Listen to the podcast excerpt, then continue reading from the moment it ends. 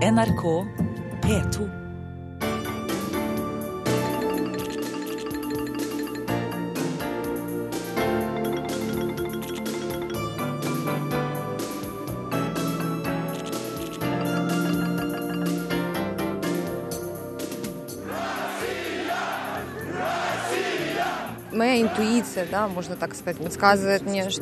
President Putin bør tenke seg godt om. Både han og Russland vil miste all autoritet internasjonalt hvis dette prosjektet gjennomføres. Russerne vil bli fullstendig isolert hvis de overtar Krim, påpeker Marina. Hvis Russland overtar styringen på Krim, er det frykt for at det kan bli vanskelig for ukrainere og andre minoriteter å bli boende der. Da Krimkrigen brøt ut i 1854, hadde hun både kunnskap og tittel, og ble sendt til Tyrkia som en slags overbetjent for de engelske sykehusene. Men uh, hvor øm, mild og engleaktig var egentlig Florence Nightingale? Spør London-korrespondent Espen Aas. Dette er eh, Verden på lørdag 8. mars. Gratulerer med kvinnedagen. Jeg heter Nyborg og Øyvind Nyborg, og aller først skal vi høre at et malaysisk passasjerfly med 239 mennesker om bord har styrtet i havet mellom Malaysia og Vietnam. Asia-korrespondent Anders Magnus, du følger denne saken. Hva er siste nytt? Det er at det er satt i gang en svær eh, ettersøkningsoperasjon med fly fra Singapore og eh, Filippinene, båter fra Filippinene, Vietnam, Malaysia Eh, og det kommer også et marinefartøy fra Kina. Det ligger naturlig nok litt lenger unna. Men det er svære havområder som nå skal ettersøkes. I, eh, helt i sørenden av eh, Thailand-golfen. Det spekuleres nå i om at dette kan være et terrorangrep. Hva vet du om det? Vi vet ingenting, men det er jo selvfølgelig noe man kan frykte i og med at det ble ikke sendt ut noen signaler før Eh, før man mistet kontakten, så kan eh, det ha vært en eksplosjon. Det kan selvfølgelig ha vært eh, eksplosjon forårsaket av noe annet. Andre eh, ting som kan ha hendt, som det spekuleres i, er at det kan være materialtrett etter flyet, eller at det rett og slett har steilet, slik Air France-flyet gjorde, som styrtet utenfor, Frankrike, utenfor Afrika for noen år siden. Eh, men, men, man vet selvfølgelig ingenting ennå. Men den største frykten er selvfølgelig om det skal være et terrorangrep, og om det var da i hovedsak rettet mot eh, kinesiske passasjerer. To tredjedeler av passasjerene til, var kinesiske statsborgere som skulle hjem til Beijing.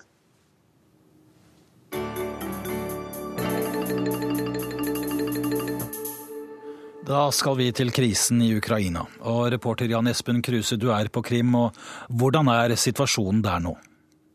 Jeg er utenfor eh, en av de store militærbasene eh, ved Simferopol, regionshovedstaden her. Og, her er det store nærværet av, russiske soldater. Det, det er, de, de er de har, det er helt tydelig at her har de tenkt å bli en stund. For de har befestet sine stillinger. Eh, de eh, omringer altså et ukjent antall eh, ukrainske soldater fortsatt her. sånn at det, militære, det russiske militære nærværet eh, det er egentlig like stort som det har vært eh, tidligere. Og Jeg har også vært oppe på, på nordsiden av Krimhalvøya, der hvor russiske styrker har kontrollposter på de to hovedveiene som går fra ukrainsk side og inn på Krimhalvøya. Og der, er det, der har styrkene befestet seg like godt. De er Eh, det er ganske mye militært materiell, det er en god del soldater. De har eh, gravd seg ned i terrenget eh, med sine våpen, med sitt utstyr. sånn at det er helt klart at de har tenkt å bli der lenge. og de, Det var helt utelukket for oss å skulle få ta noen bilder der. Vi ble bare bryskt avvist og sendt rett tilbake. Så de russiske militæres framferd er, er, ganske, er ganske tydelig. Og Du har også snakket med folk som eh, tror at livet kan bli vanskelig dersom eh, det blir en løsrivelse? Ja, eh, ukrainerne som er her på Krimhalvøya nå, de eh, holder en lav profil. Og eh, også krimtartarene, andre etniske grupper, de prøver å å være veldig forsiktige nå. For eh, de vet ikke hva som vil skje. Og eh, det at Russland kan komme til å overta hele regionen, det ser de mørkt på.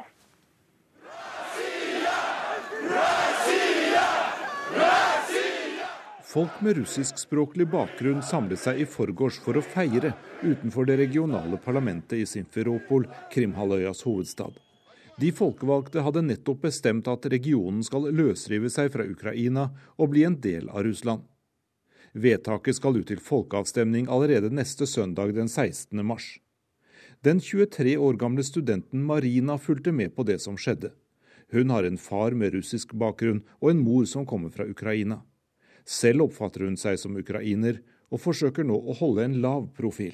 Те же люди, которые э, против этого решения, сейчас э, стараются никуда не вмешиваться, ни в какие дела. Alle de som ikke er enige i det lokale parlamentets avgjørelse, forsøker nå å unngå å havne i ubehageligheter, sier Marina, som helst ikke vil oppgi etternavnet sitt pga. sin egen sikkerhet.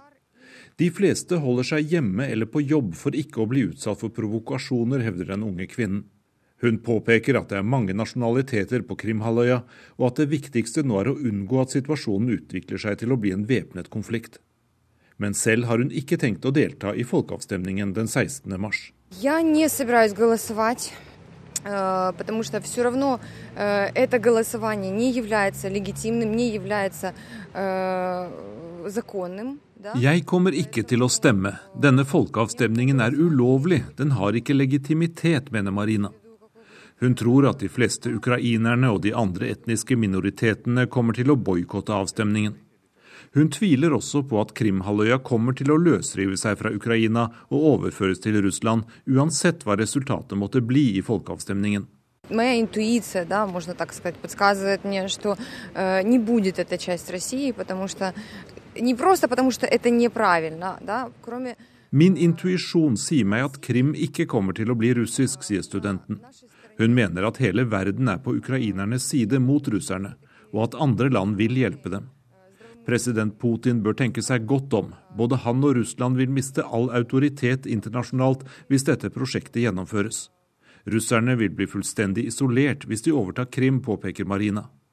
Plutselig blir hun oppmerksom på en mann som står og filmer oss under intervjuet. Мужчина, уберите, пожалуйста, камеру. Почему нас снимаете? Потому что я не разделяю мнение этой девушки. Ну, она имеет право. Я, а я же ничего не говорю, и я просто снимаю.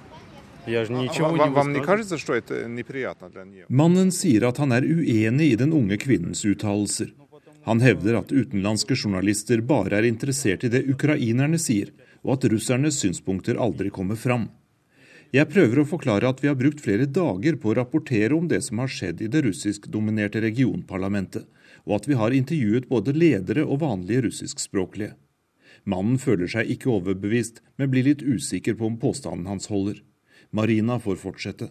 Есть, конечно же, опасения о том, что война разовьется. Конечно же, опасения есть. Э, Россия именно этого и хочет.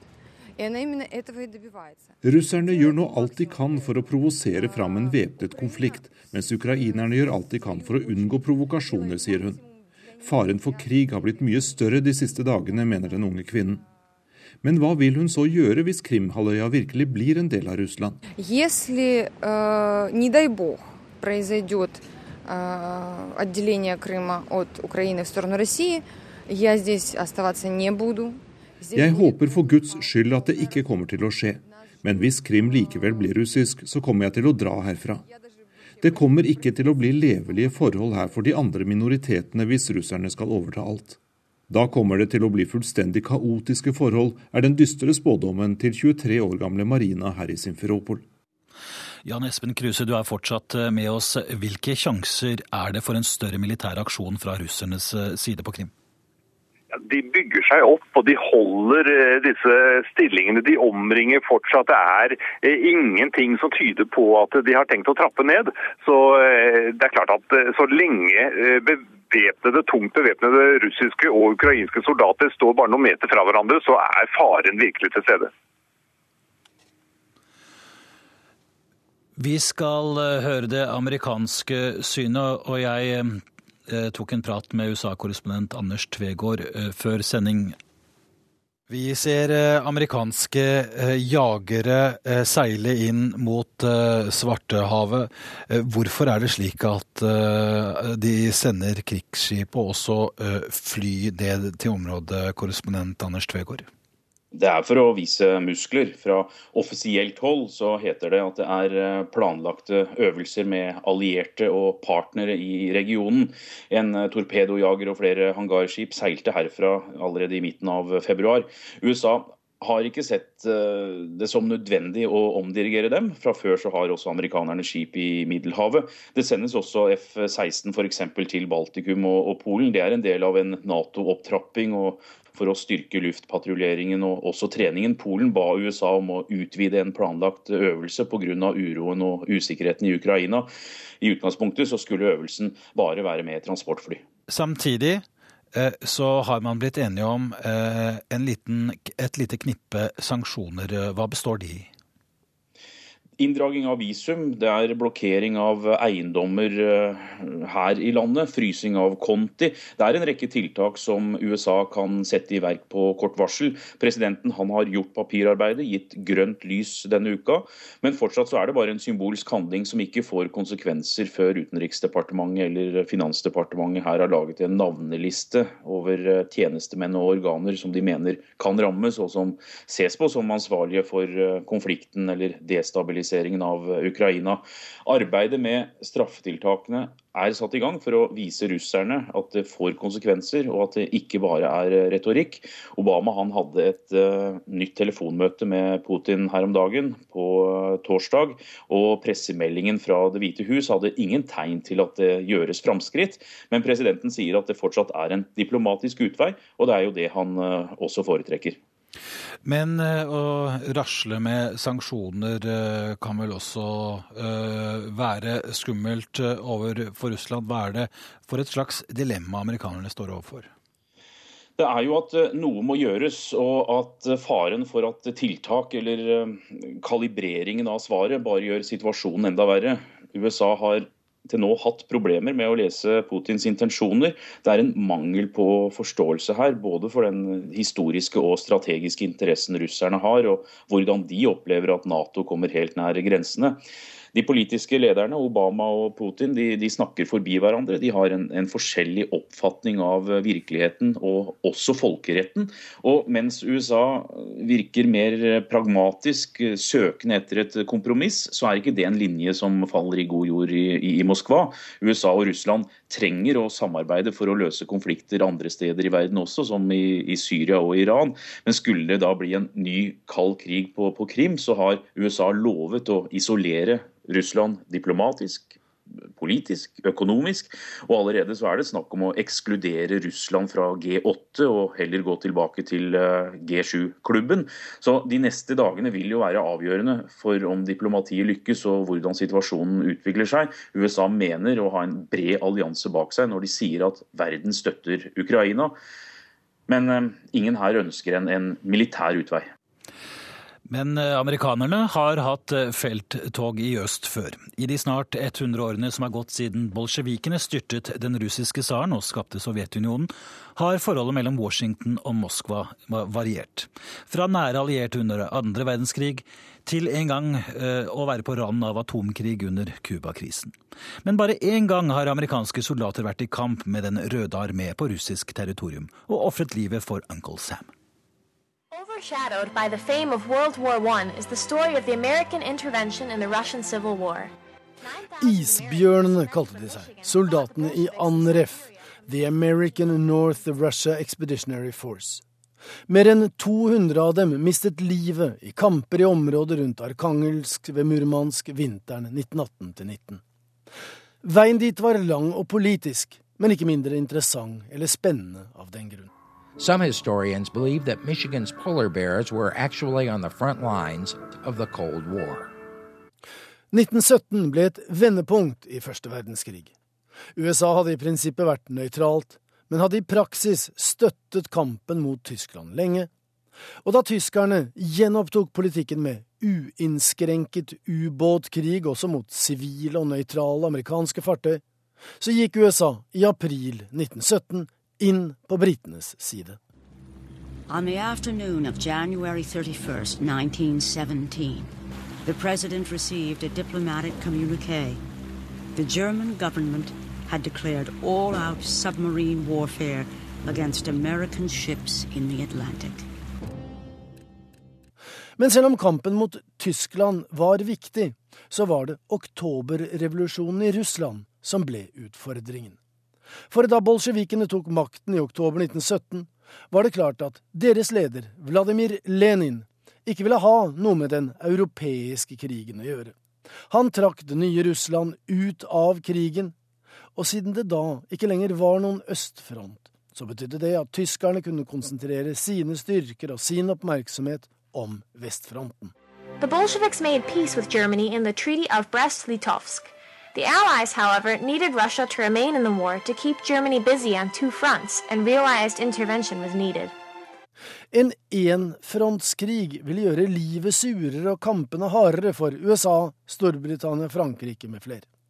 Det ble derfor strategisk viktig å få gjenåpnet østfronten.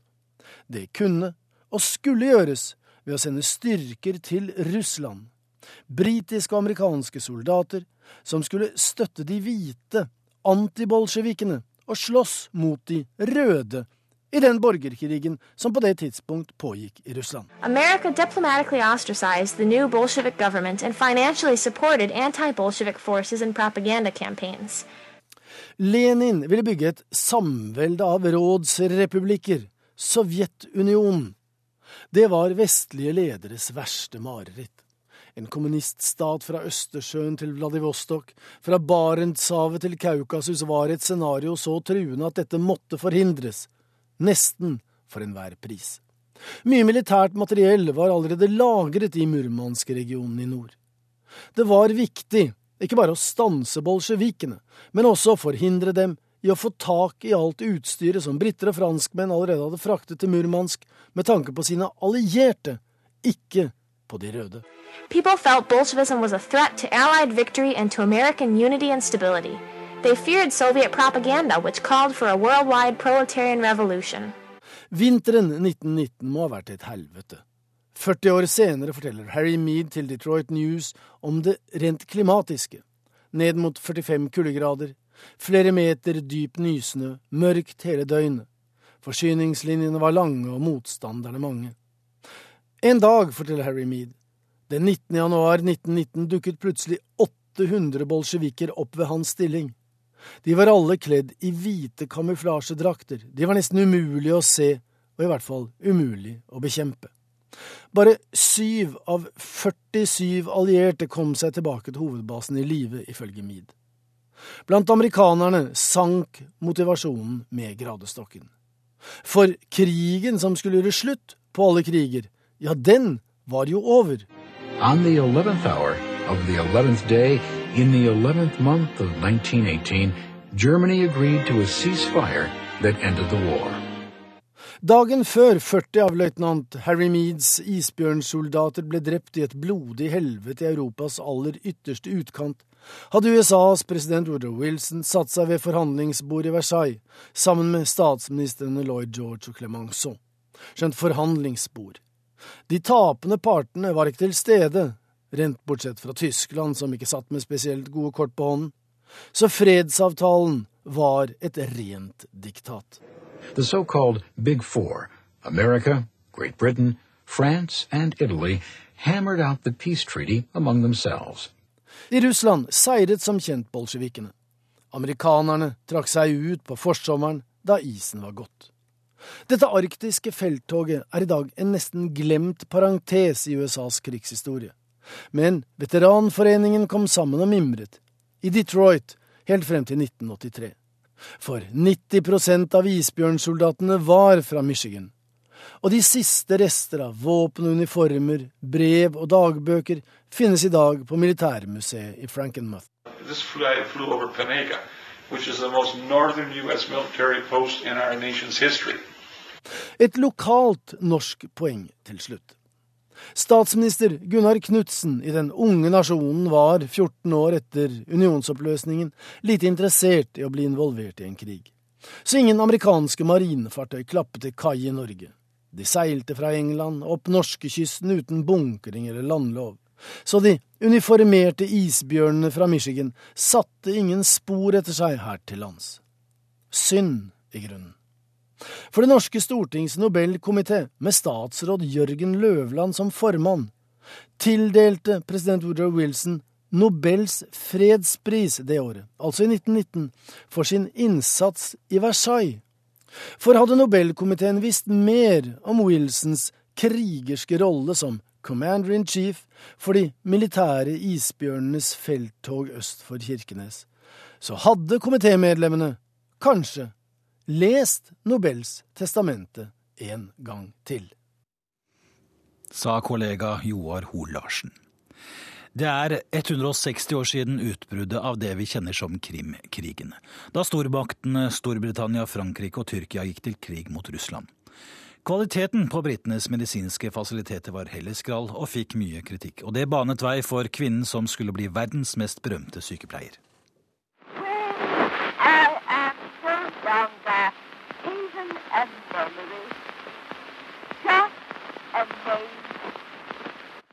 Den noe skrapete og nesten uhørlige stemmen tilhører angivelig Florence Nightingale, nattergalen som utover å etternavnet til en fugl og fornavnet til en italiensk by, Florence er det engelske navnet på Firenze, vokste hun opp i en ressurssterk familie.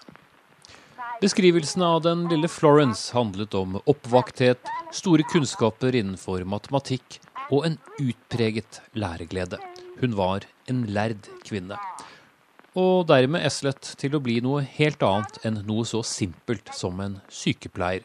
For i det viktorianske Storbritannia ble sykepleiere ofte sett på som lite utdannede, ignorante og promiskuøse, som jo var en klassisk viktoriansk betegnelse.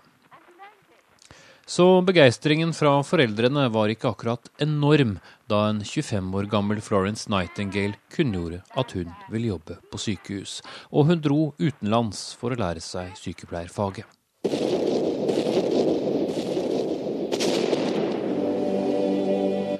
Da Krimkrigen brøt ut i 1854, hadde hun både kunnskap og tittel, og ble sendt til Tyrkia som en slags overbetjent for de engelske sykehusene, og klarte å snu uhygieniske og skitne behandlingslokaler om til skikkelige sykehus hvor skadde soldater ikke lenger sto i fare for å dø av bakterier og dårlig hygiene, men i stedet kunne leges for krigsskader. Det var eh, her hun fikk tilnavnet Lady with a Lamp, damen med lampen, og myten hadde allerede festet seg før Nightingale ble gammel. I dag brukes ofte navnet Florence Nightingale om sykepleiere og for all del, hun startet da også en utdanning som skulle gå inn i historiebøkene. Med den eh, alltid travle Westminster-broen som eh, nærmeste nabo, står jeg nå ved St. Thomas Hospital ved Themsens bredd. På andre siden ser vi parlamentet og klokketårnet som huser Big Ben. Det var her Florence Nightingale grunnla sykepleierutdanningen sin tilbake i 1860. Eh, 9.7 var dato. Og den utdanningen den lever i beste velgående i dag, den, og regnes som en av de aller eldste sykepleierutdanningene her i Storbritannia. Men uh, hvor øm, mild og engleaktig var egentlig Florence Nightingale? Vel, ikke så veldig. Mange rapporter fortalte om en kompromissløs og streng kvinne som visste hva hun ville, og krevde å få det slik. Selv om den britiske statsministeren Margaret Thatcher kanskje er den som er mest kjent for tilnavnet Jernkvinnen eller The Iron Lady, så er betegnelsen mang en gang brukt om Florence Nightingale. Hun hadde i størstedelen av livet et svært problematisk forhold til sitt eget kjønn, kvinner. Hun så på dem som noen som bare ba om sympati. Fact, career, really said. Hun identifiserte seg med menn, sier Nightingale-biograf Mark Bostridge. Du kan se gjennom hele karrieren hennes hvordan hun jobbet mot kvinner. Hun mislikte kvinner. Hun sa hun var en brutal motsetning av sitt eget kjønn, sier han. Istanbul is redolent with memories of Florence Nightingale in the Crimean War. And Mrs. Thatcher made a pilgrimage to the British military cemetery here. Like fullt ble hun sett opp til også av ettertidens sterke kvinner, som tidligere statsminister i Storbritannia Margaret Thatcher, som gjorde heder på henne på en gravlund i Tyrkia.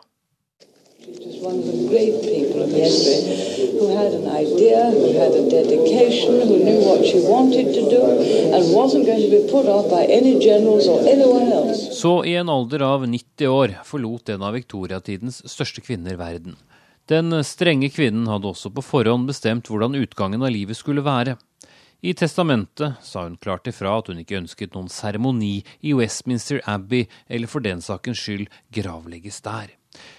Hun hadde listet opp noen menn som skulle bære kisten, det hele skulle være så enkelt som mulig.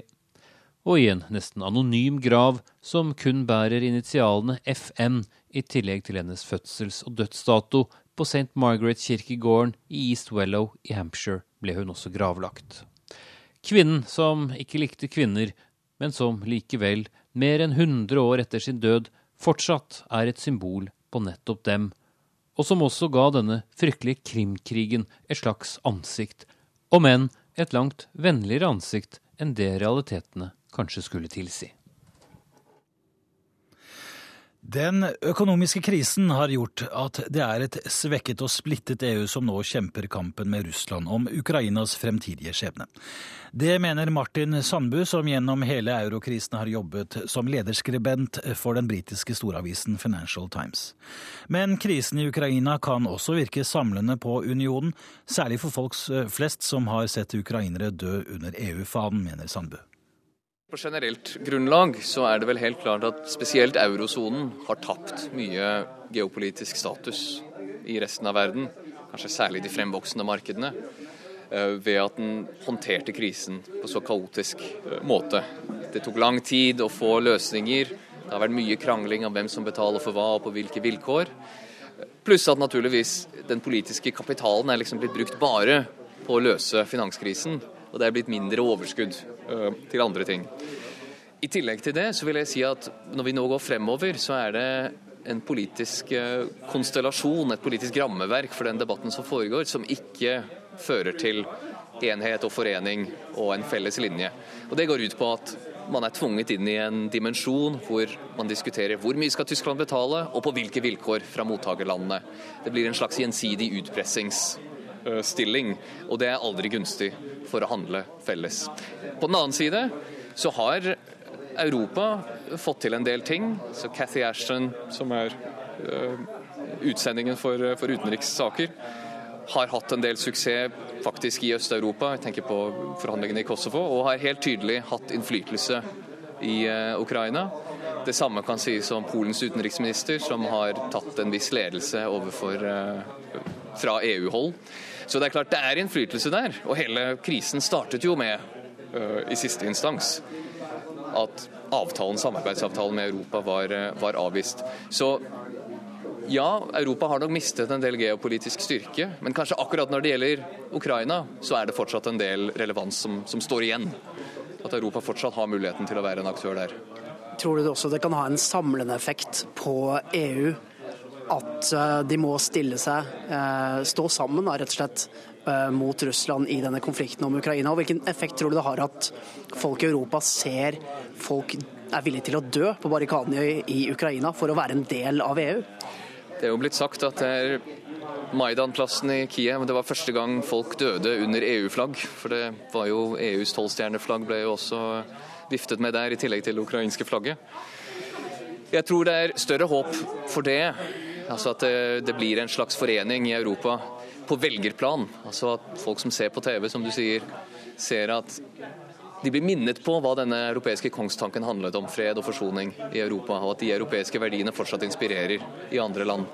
På lederplan er jeg nok mye mer skeptisk. Det vi har sett er at til tross for mye retorikk og diplomatisk engasjement, så ser du at de fleste europeiske EU-medlemsland lederne er litt for bekymret for sin egen økonomiske avhengighet overfor eh, Russland til for øyeblikket å virkelig være villig til å sette hardt mot hardt.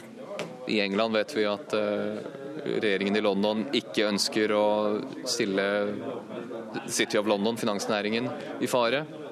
Vi vet at Tyskland er opptatt av gassimport fra, fra Russland. Frankrike har våpenleveranser til Russland. Så der, der er jeg nok mye mer skeptisk. Stig Arild Pettersen hadde møtt Martin Sandbu, som er lederskribent i Financial Times.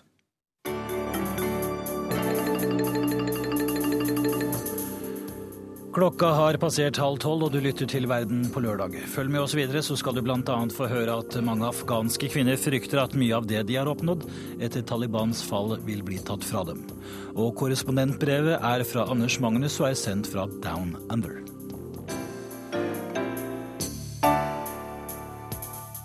Men nå Voldsomme gateprotester mot regjeringen fortsatte også denne uken i Venezuela. Demonstrasjonene er blitt vanskelig utfordring for president Nicolás Maduro.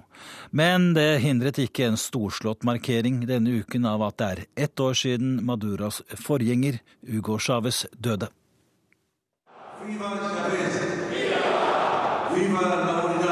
En minnemarkering kan kanskje føles som en liten pust i bakken. For Venezuelas president Nicolás Maduro ble det i alle fall et avbrekk fra de voldsomme demonstrasjonene mot ham som startet i forrige måned. Ved sarkofagen til Hugo Chávez i revolusjonsmuseet i Caracas samlet familie, venner og inviterte gjester seg for å minnes en mann som med sin sosialistiske politikk har satt sitt sterke preg på Venezuela siden slutten av 1990-tallet. og gjennom hovedstaden var det militærparader. For en stakket stund var det Chávez tilhengerne som dominerte i gatene.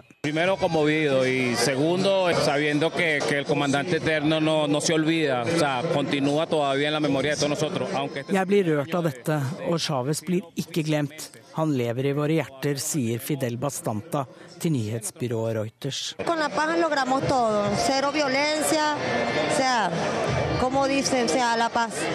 Alle problemer må løses med fredelige midler, sier Carmen Garcia, som også er en av dem som ville markere ettårsdagen for Chávez død.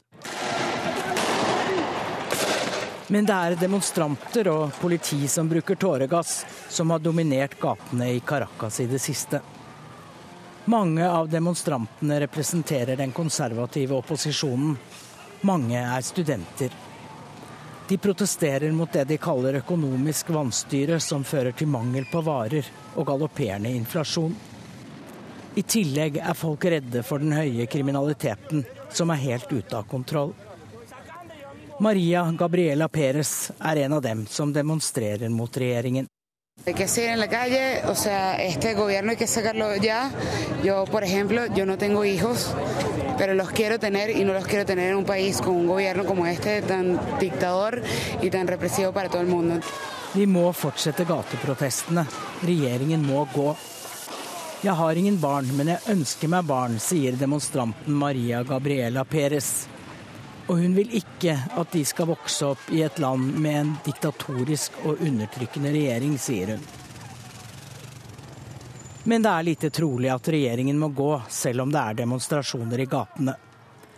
For Nicolás Maduro har ennå relativt bred støtte, selv om han ikke klarer å fylle skoene til sin forgjenger Chávez. Markeringen av ettårsdagen for Chávez død brukte Maduro til å gå ut mot demonstrantene og de som måtte støtte dem. Panama har bedt om at situasjonen i Venezuela blir tatt opp på møte i Organisasjonen av amerikanske stater, OAS. Dermed brøt Maduro de diplomatiske forbindelsene med landet. Ved Chávez sarkofag tordnet han i vei. No vamos a permitir que se meta nadie impunemente con nuestra patria. Lacayo rastrero, presidente del Panamá. Din ynkelige lakei, sier Venezuelas president Nicolas Maduro om sin kollega i Panama. Ingen får lov å blande seg inn i våre indre anliggender, er budskapet. Men ute i gatene fortsetter protestene mot regjeringen.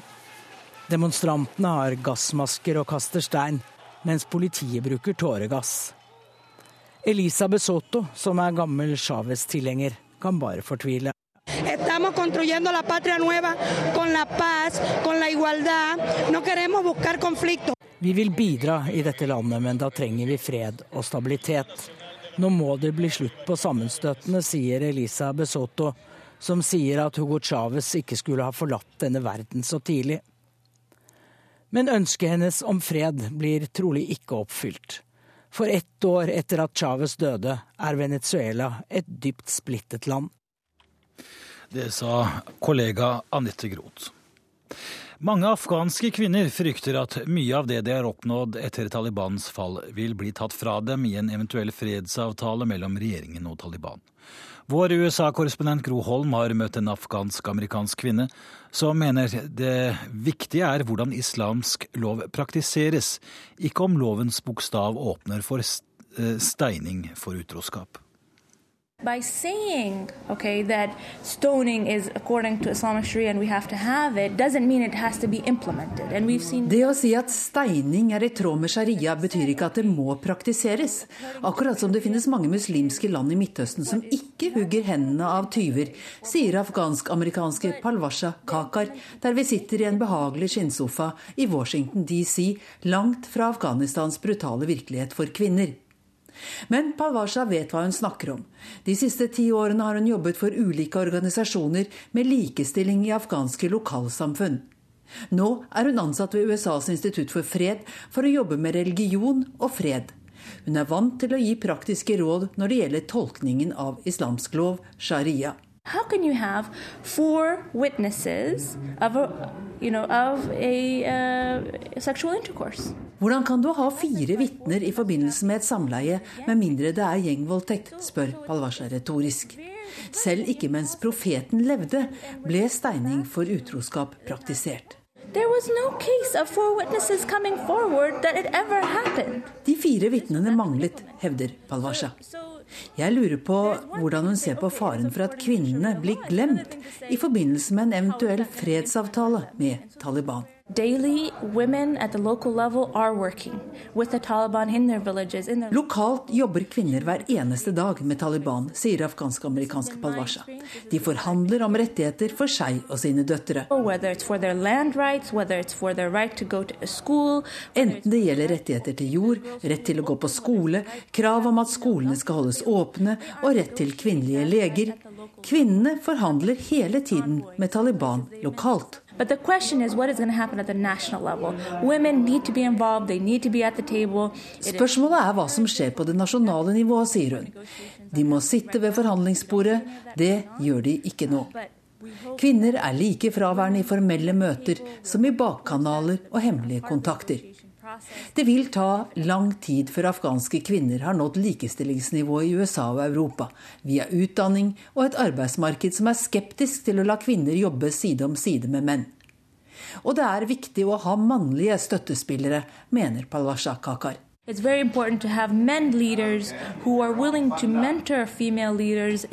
viktig å ha mannlige ledere som er villige til å veilede kvinner som beveger seg inn på deres territorium, sier hun. Det må to hender til å klappe, sier kvinnen som har gjort det til sin livsoppgave å reformere et av verdens mest tilbakeliggende samfunn når det gjelder kvinners rettigheter, både privat og i det offentlige rom. Hun vet at motkreftene er sterke, og hun vet at det ikke nytter å være utålmodig. I Egypt var det nok en runde av rettssaken mot flere journalister, de fleste av dem tilknyttet TV-kanalen Al Jazeera denne uken. De er arrestert og tiltalt bl.a. for å ha spredd såkalte falske nyheter. Rettssaken har gjort at mange nå spør seg hvor Egypt er på vei etter kuppet i sommer. Ført inn i hvite drakter, holdt innesperret i bur. Egyptisk-canadiske Mohammed Fahmi, australske Peter Gresty og de andre tiltalte i Al Jazeera-saken her i Egypt måtte gjennom nok en runde uten domsavsigelse onsdag. Som bevis la påtalemyndighetene fram alt fra kabler til kameraer, vanlig utstyr for ethvert TV-selskap på jobb i felt. Men myndighetene her i Egypt mener noen av de tiltalte er knyttet til Det muslimske brorskapet, som er stemplet som en terrororganisasjon, og de er alle tiltalt for å ha spredd falske nyheter. Obviously, you know, every day this thing goes on, we, we want it to end. And, um, Broren til Peter Gresty var utenfor rettslokalet og sa de bare håpet å få denne saken ut av verden, men at de ikke visste når det ville falle noen dom eller komme noen løsning. At Al Jazeera er kjent for å stå brorskapet nær, er én ting. Å kjøre en rettssak på denne måten har gjort at mange, både utenlandske og egyptiske journalister, frykter for framtiden. Because, uh, you have uh, um, kind of internet? Uh... Denne medievirkeligheten fikk generalsekretæren i Norsk redaktørforening Arne Jensen nærmere innblikk i denne uka. Han besøkte Kairo og flere medieorganisasjoner. Etter norsk standard så er det jo ikke noen reell pressefrihet eh, i Egypt per i dag. fordi eh, det militære eh, regimet har klare grenser for hva de i praksis tillater. Så det, og det har jo vært en utvikling som har pågått siden de militære overtok i, i juni i fjor. Eh, så er det jo eh, noen aktører i Egypt, bl.a. noen av de eh, jeg møter nå, som har et håp om å kunne snu den utviklingen, at ting vil roe seg og at det etter hvert vil bli bedre rom for kritiske stemmer og mer uavhengig journalistikk. Okay, so this is called uh, Montukti, or My Neighborhood, and it's a uh, newspaper that's covering downtown Cairo. Uh, it's a general interest, so it covers everything from society to culture to politics to economy. Um, en av dem er Tarek Eita. Han driver en liten lokalavis her i Kairo sentrum som forsøker å ta opp lokale tema som parkeringsproblemer, søppel som hoper seg opp, og også seksuell trakassering, som er spesielt ille i sentrum av den egyptiske hovedstaden.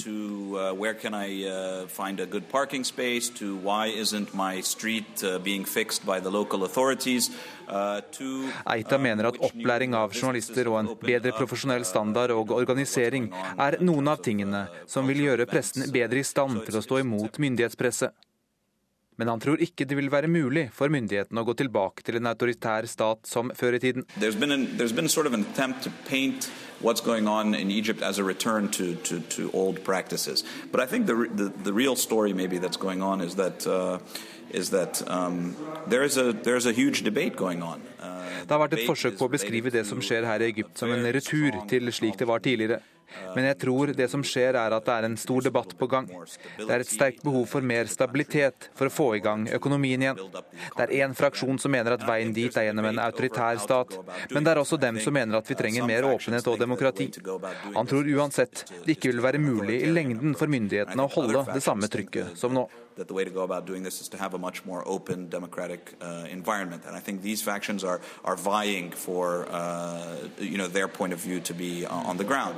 Uh, hva, hva, betyr det for et land uh, og utviklingen i et land når pressefriheten blir utsatt for, for et så, så, hardt, uh, så, hardt, angrep?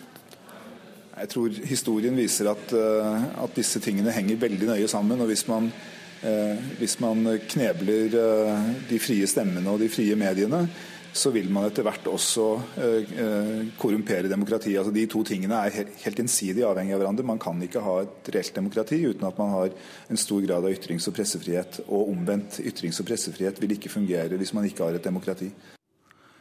Det sa generalsekretær i Redaktørforeningen Arne Jensen. Midtøsten-korrespondent Sigurd Falkenberg Mikkelsen hadde laget denne saken. Litt mer enn to år etter at de siste amerikanske soldatene forlot landet, er sikkerhetssituasjonen i Irak gått fra dårlig til mye verre. Mange er redde for en ny borgerkrig. Små føtter trår varsomt på grus fra knuste murvegger. Tre unge jenter med hestehale, hvit bluse og blå skoleuniform ser ned på en ødelagt grønn tavle.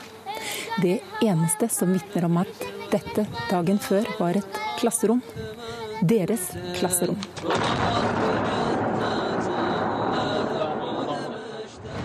Det å kunne leke ute, det å kunne gå på skole. Det å kunne leke ute betyr at det kan være en, en bomme som eksploderer i nabolaget ditt. Du kan være på tur med moren din i en, uh, en marked, eksplodere bommen. Du kan være i en bil, så eksploderer bilen ved siden av deg. Du kan gå på moské, du kan være hvor som helst. Du kan være på kafé, du kan være på restaurant. Uansett så er du ikke trygg. Det sier Ritika Dahl, som er rådgiver for FNs barnefond i Irak. Og En av de første som jeg husker, da hadde vi kanskje Det var tolv bommer før halv tolv. Dette var i fjor. Dette var i fjor sommer. Og siden da har det bare blitt verre og verre. ikke sant? Og det er helt vanlig at man har Og det skjer i sånne serier. Det går på morgen, det går når folk kommer hjem om natten. Du vet ikke når du går ut ikke sant? Du vet ikke når du går ut fra huset på morgenen om du kommer tilbake. Du vet ikke om barna dine overlever den dagen. It's feared as many as 24 people may have been killed in Iraq after six suicide bombers blew themselves up in the Ministry of Transport in Baghdad. Ingen områder i Bagdad er trygge. For noen få uker siden nådde bilbommene til og med inn bak de høye murene i den såkalte grønne sonen, der regjeringen, diplomater og FN-folk egentlig skulle være beskyttet. Så når jeg var på vei ut til jobben i parkeringsklassen, så hørte jeg en sånn stor ja, eksplosjon. Så fikk vi beskjed om å ikke bevege oss og vente på nærmere info. Ritika Dahl reiste til Irak i håp om å bidra til en positiv utvikling i landet. Men nå, ett og et halvt år senere, ser hun få lyspunkter. Vi vet at 800 000 barn er foreldreløse. Vi vet at 80% av barna opplever vold hjemme eller på skolen eller øvrige steder komplekst, det er sammensatt. Hvis vi hadde fått litt mer stabile forhold sikkerhetsmessig, hvis vi hadde hatt en infrastruktur, og da tenker jeg på helsetjenester, utdanning, barnevern, sivilsamfunnet, en sterkere sivilsamfunn f.eks., så hadde alt hjulpet. Åtte av ti barn i Irak er utsatt for vold. Det er et tall som gjør inntrykk. Dette er et land som har ligget i konflikt og krig i 30 år kontinuerlig, nesten uten pause. Hva gjør det med mennesker? Hva gjør det med et land? Hva gjør det med tankesett, mindset? Hvordan skal du overleve hver dag? Mens massemediene har mer fokus på andre konflikter, er det sterke bilder å finne på sosiale medier. Noen hyller og forherliger selvmordsbomberne.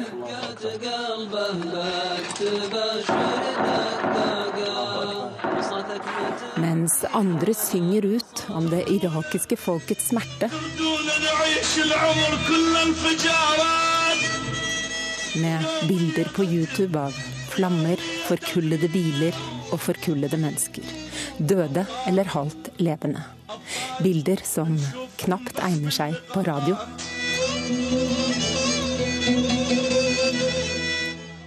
I løpet av årets to første måneder er nærmere 2000 mennesker drept av bilbomber, selvmordsbombere og annen vold. Samtidig som syriske flyktninger strømmer over grensen, er over to millioner irakere på flukt i eget land. Konflikten i Anbar-provinsen er ute av kontroll. Sjiamuslimer slåss mot sunnimuslimer. Militante islamister fra inn- og utland slåss mot regjeringsstyrker. Den sekteriske volden øker, og om et par måneder er det valg. Før valget så vil man prøve å vise at landet er ustabilt, at usikkerheten råder og frykten råder. Og da vil det være en opptrapping. Og i en undersøkelse blant irakiske barn svarer hele 40% at det de frykter mest, er fremtiden.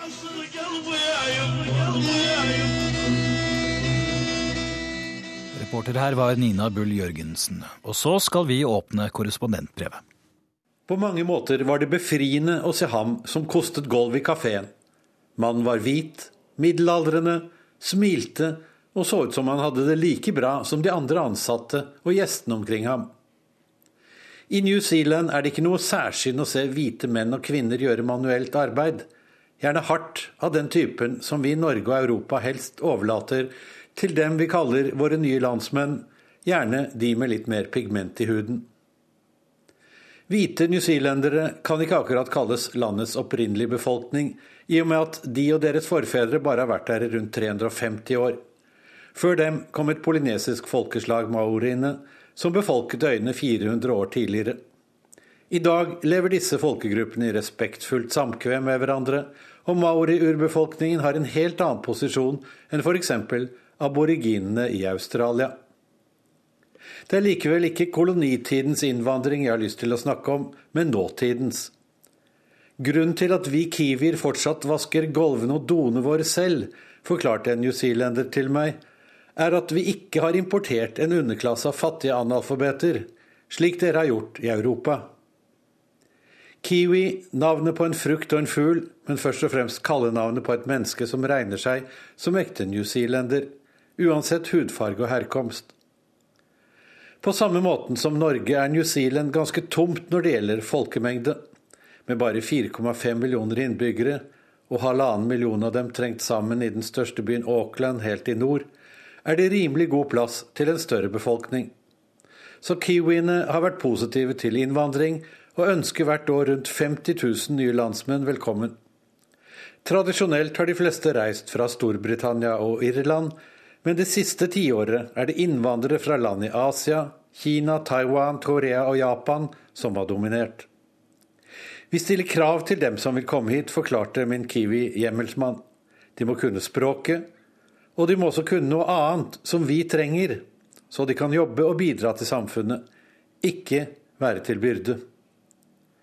Nå kan man si at vilkårene for å gjennomføre en slik politikk er noe lettere enn i Norge. Språket de nye landsmennene skal beherske er engelsk, som svært mange i verden allerede har et visst kjennskap til, og uten krav til å beherske den breie og til tider uforståelige newzealandske dialekten. Ikke dukker det heller opp særlig mange asylsøkere uten pass eller visum, til det ligger øyene for langt ut i havet, selv for båtflyktninger. Men dette kravet om at innvandrerne skal kunne noe, og at de også skal bidra, mener kiwiene selv har vært nøkkelen til at New Zealand ikke har fått et økende skille mellom den opprinnelige befolkningen og fattige, kunnskapsløse nykommere i lavstatusjobber eller på trygd. Nå er det ikke slik at New Zealand er et likhetens tempel. Forskjellen mellom rike og fattige er større enn i Norge. Men det er også mange mindre bemidlede blant dem som er hvite og stammer fra Storbritannia, som folk fra andre deler av verden. Slik er situasjonen også i nabolandet Australia. Selv om det er et av de mest egalitære land i verden, kan heller ikke åsiene skryte av å ha mer likhet enn Norge. Australia regnes likevel som verdens nest beste land å bo i. Etter Norge, selvsagt, som topper listen på FNs Human Development Index. New Zealand gjør det godt, de også, og havner på sjetteplass. Som sine naboer har australierne lagt vekt på at de vil ha innvandrere med jobbferdigheter som kan bidra med noe i samfunnet, og ikke minst betale skatt. Dermed vil det også være mulig å opprettholde velferdsstaten på lang sikt, forteller dr. Anna Bocher til meg. Hun er universitetslektor på The University of Sydney og gift med en nordmann. Derfor kjenner hun også godt den norske innvandringsdebatten. At Australia stiller krav om ferdigheter til de som vil flytte hit, har nok ført til en større aksept for innvandring blant folk flest, fordi innvandrerne bidrar på arbeidsmarkedet, og gjerne på områder hvor vi mangler fagfolk, sier Bocher. Svært mange av de som kommer har god utdanning, og konkurrerer ikke med ufaglærte arbeidere i Australia. Derfor har vi heller ikke hatt disse klassiske stridighetene mellom landets arbeiderklasse og innvandrere som man ser andre steder, forteller hun. Australia tar hvert år imot mellom 150 og 200 000 nye innvandrere som ikke er verken flyktninger eller asylsøkere. Landets befolkning er i dag på 23 millioner, men den vokser raskt pga. innvandringen. Tidligere kom de fleste fra Europa, særlig Storbritannia. Men som i New Zealand har innvandrerbefolkningen de siste årene dreiet mer mot Asia.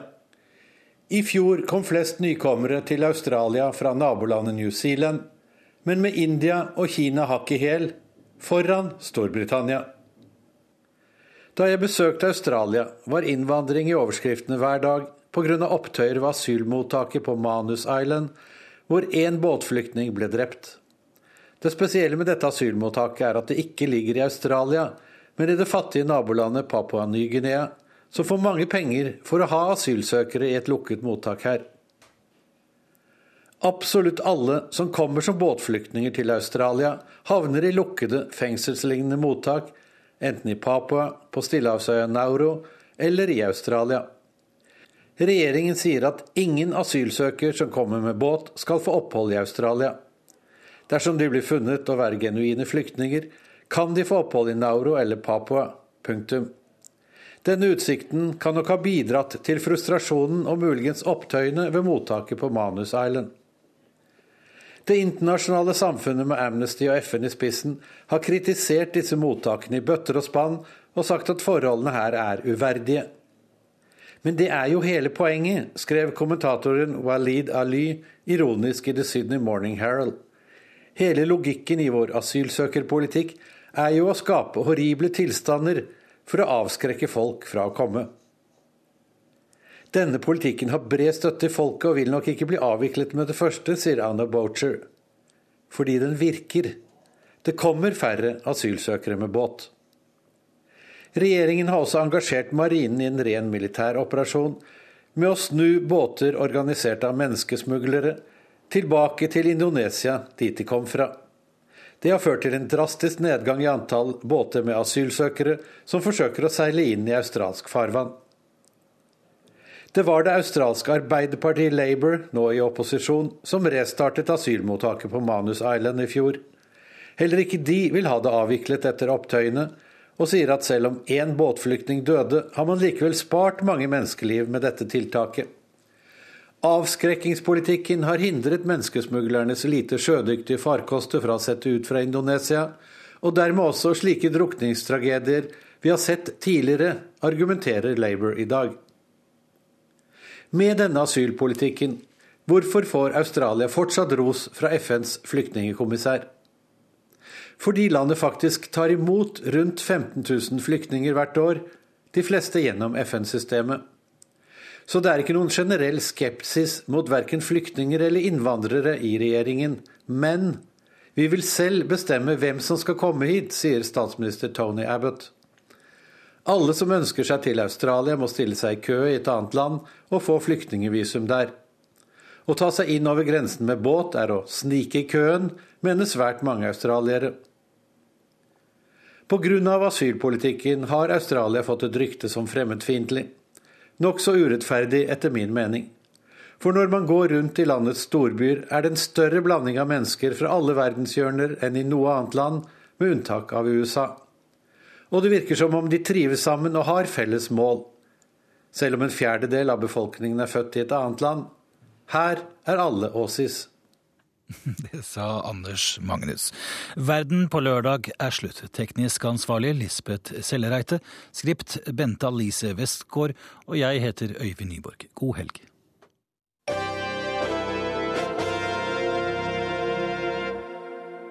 Hør flere podkaster på nrk.no podkast.